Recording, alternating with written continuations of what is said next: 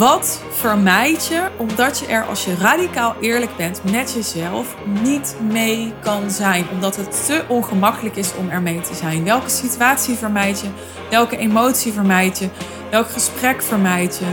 Welke confrontatie vermijd je? Welke keuze vermijd je?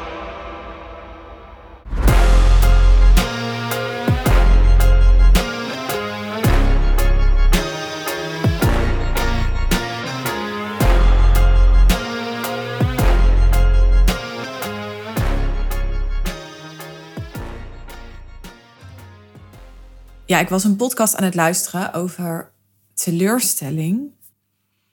En punt in die podcast was dat wij mensen zoveel moeite hebben om ehm, ja, op een gezonde en goede en constructieve manier grenzen te stellen voor onszelf en voor anderen. Omdat we zo enorm slecht kunnen zijn met iemand die teleurgesteld is in ons. En ik vond dit zo'n belangrijke nuance dat ik dacht, ik wil zelf een podcast hierover opnemen. Want in dit geval ging het dan over teleurstelling. Maar ik dacht, dit is wat ik in het werken met mijn klanten zo vaak ben tegengekomen. En wat volgens mij zo belangrijk is om je bewust van te zijn als ondernemer. Om de moeilijke dingen te kunnen doen en te kunnen dragen. Namelijk dat je eigenlijk niet Ehm, je bent niet echt bang waarschijnlijk voor dat de ander teleurgesteld in jou gaat zijn. Je kan gewoon het zelf niet dragen. Je kan het zelf niet handelen. Je kunt er zelf onvoldoende mee omgaan. Je er een houding aan geven om met iemand te zijn die teleurgesteld in jou is. Het is te pijnlijk, te confronterend, te triggerend, te afwijzend en daarmee ook weer triggerend en noem maar op. Ik hoor en zie nog best wel vaak dat mensen dingen die ze lastig vinden bedekken met een laagje, ja, noem het politiek correctheid, noem het sociaal correctheid, maar met een laagje correctheid, zoals wij ook op sollicitatiegesprekken als de potentiële werkgever aan ons vraagt wat is een slechte eigenschap, allemaal met zeggen, ja, ik ben perfectionistisch, toch? Dus je geeft dan zo'n antwoord waarvan je weet van dat wordt niet echt als heel slecht gezien. Of dat, weet je wel? Nee, snap wat ik bedoel, toch? Mensen vinden het gewoon een goede eigenschap van een slechte eigenschap. Dat. En ik zou mezelf toch even als werkgever drie keer achter mijn oren krabben als iemand dat zegt. Maar ja, ja, nee, eigenlijk wel serieus. Ik denk dat ik nog liever zou hebben dat iemand zegt: Ja, ik uh, heb heel veel last van uitstelgedrag zou ik me ook achter mijn oren krabben. Maar ja, ik denk als je daar al heel veel bewustzijn op hebt zitten, dan, nou ja, en je, je hebt ook de ballen om dat zo eerlijk te zeggen. Maar daar gaan we het heel erg anders over hebben. Kun jij zijn met het feit dat een klant boos op jou is? Kun jij zijn met het feit dat je een meningsverschil hebt met een leverancier en dat die leverancier daardoor potentieel bijvoorbeeld geen ambassadeur meer van je is. Of misschien wel dat die hele relatie op het spel staat, waardoor je die hele leverancier verliest. Kun jij zijn met het ongemak? Kun je zijn met het ongemak dat de ander teleurgesteld is in jou? Kun je zijn met het ongemak dat de ander boos is op jou? Kun je zijn met het ongemak dat een ander je niet begrijpt, verbolgen is? kun je ermee zijn?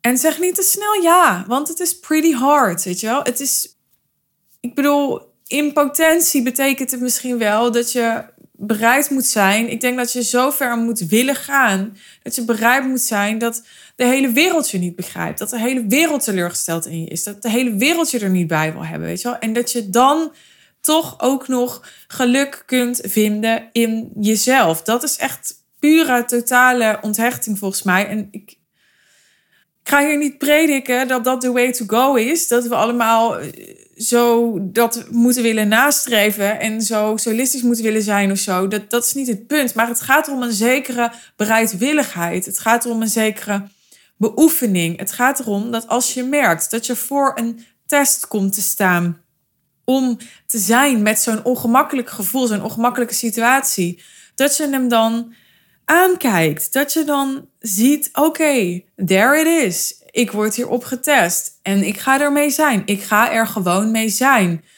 Een paradoxale intentie wil ik ook even noemen in deze context. Dat is een hele belangrijke ja, oefening, zou ik willen zeggen, die je altijd zelf kunt doen, die mij enorm heeft geholpen als ondernemer.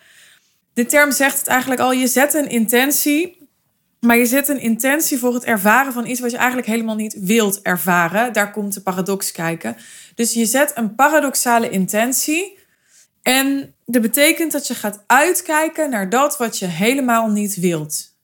En daar word je enorm veel sterker van. Want doordat je er naar uit gaat kijken, ga je het met open armen ontvangen. Dat is een beetje wat naar uitkijken betekent. Ik bedoel, stel je lief die heeft uh, drie maanden gereisd, staat nu op Schiphol, komt terug. Die, daar kijk je naar uit, toch? Om die weer te ontvangen. Dus daar sta je dan met open armen.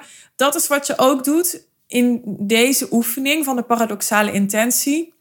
Bij datgene wat je eigenlijk liever niet wilt ervaren. En vervolgens ervaar je het. Je ervaart dat ongemak. Je ervaart datgene waarvan je denkt: oh my god. Uh, weet je wel dat? En je ervaart dat je niet doodgaat.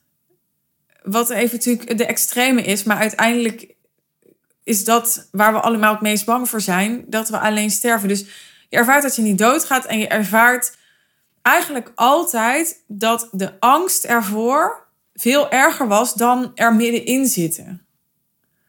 Ik weet niet of je dat kan voelen, maar ik kan dat gewoon voelen. Ik kan heel erg angst voelen om. Ehm, nou, ik ga het weghouden bij mijn kind, want die durf ik niet aan, bijvoorbeeld. Maar laat ik het even zakelijk houden. Ik kan de angst voelen om failliet te gaan, schulden te hebben, ehm, alles kwijt te raken wat ik heb, whatever ik daaronder uh, mag scharen. En ik kan tegelijkertijd ook voelen: oké, het is zover. Ik ben nu op die plek. Ik ben failliet. Ik heb die schulden. Ik...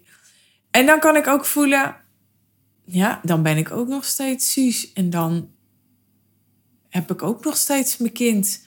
En dan gaat ook nog steeds de zon schijnen. En dan. En, en dat is natuurlijk nog krachtiger als je het echt daadwerkelijk meemaakt. Als je echt daadwerkelijk door die ervaring gaat. Dus wat vermijd je omdat je er, als je radicaal eerlijk bent met jezelf, niet mee kan zijn? Omdat het te ongemakkelijk is om er mee te zijn. Welke situatie vermijd je? Welke emotie vermijd je? Welk gesprek vermijd je? Welke confrontatie vermijd je? Welke keuze vermijd je? Dat is de vraag waarmee ik jou achter wil laten vandaag. Als je het antwoord wil delen, dan ben je welkom. Je mag me altijd een DM sturen op Instagram, op LinkedIn. En als je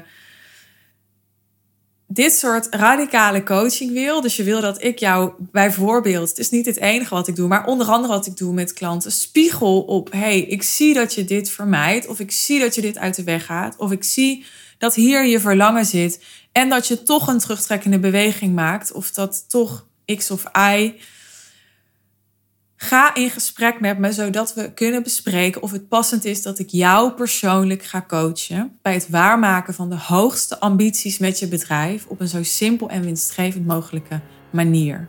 Daar kan en wil ik je graag mee helpen. Dus wil je daarover in gesprek? Is dat interessant voor je? Ga naar de show notes, klik op het linkje achter Werk met mij, zoiets staat er geloof ik. En boek jouw call. Of stuur me dus eerst even een DM als je liever eerst nog even wilt chatten. Ook helemaal goed. Wil je meer van dit soort content? Zorg dat je mijn podcast luistert. Dat kan door te abonneren op Apple Podcast. Dan krijg je notificaties van nieuwe afleveringen. Hetzelfde geldt voor Spotify. Klik daarop volgen. Vond je dit een belangrijke, waardevolle aflevering ook voor jouw netwerk? Dan waardeer ik het enorm als je hem wilt delen op jouw social media kanalen. Dankjewel alvast als je dat doet. Dan wil ik je verder een mooie dag wensen of een mooie avond.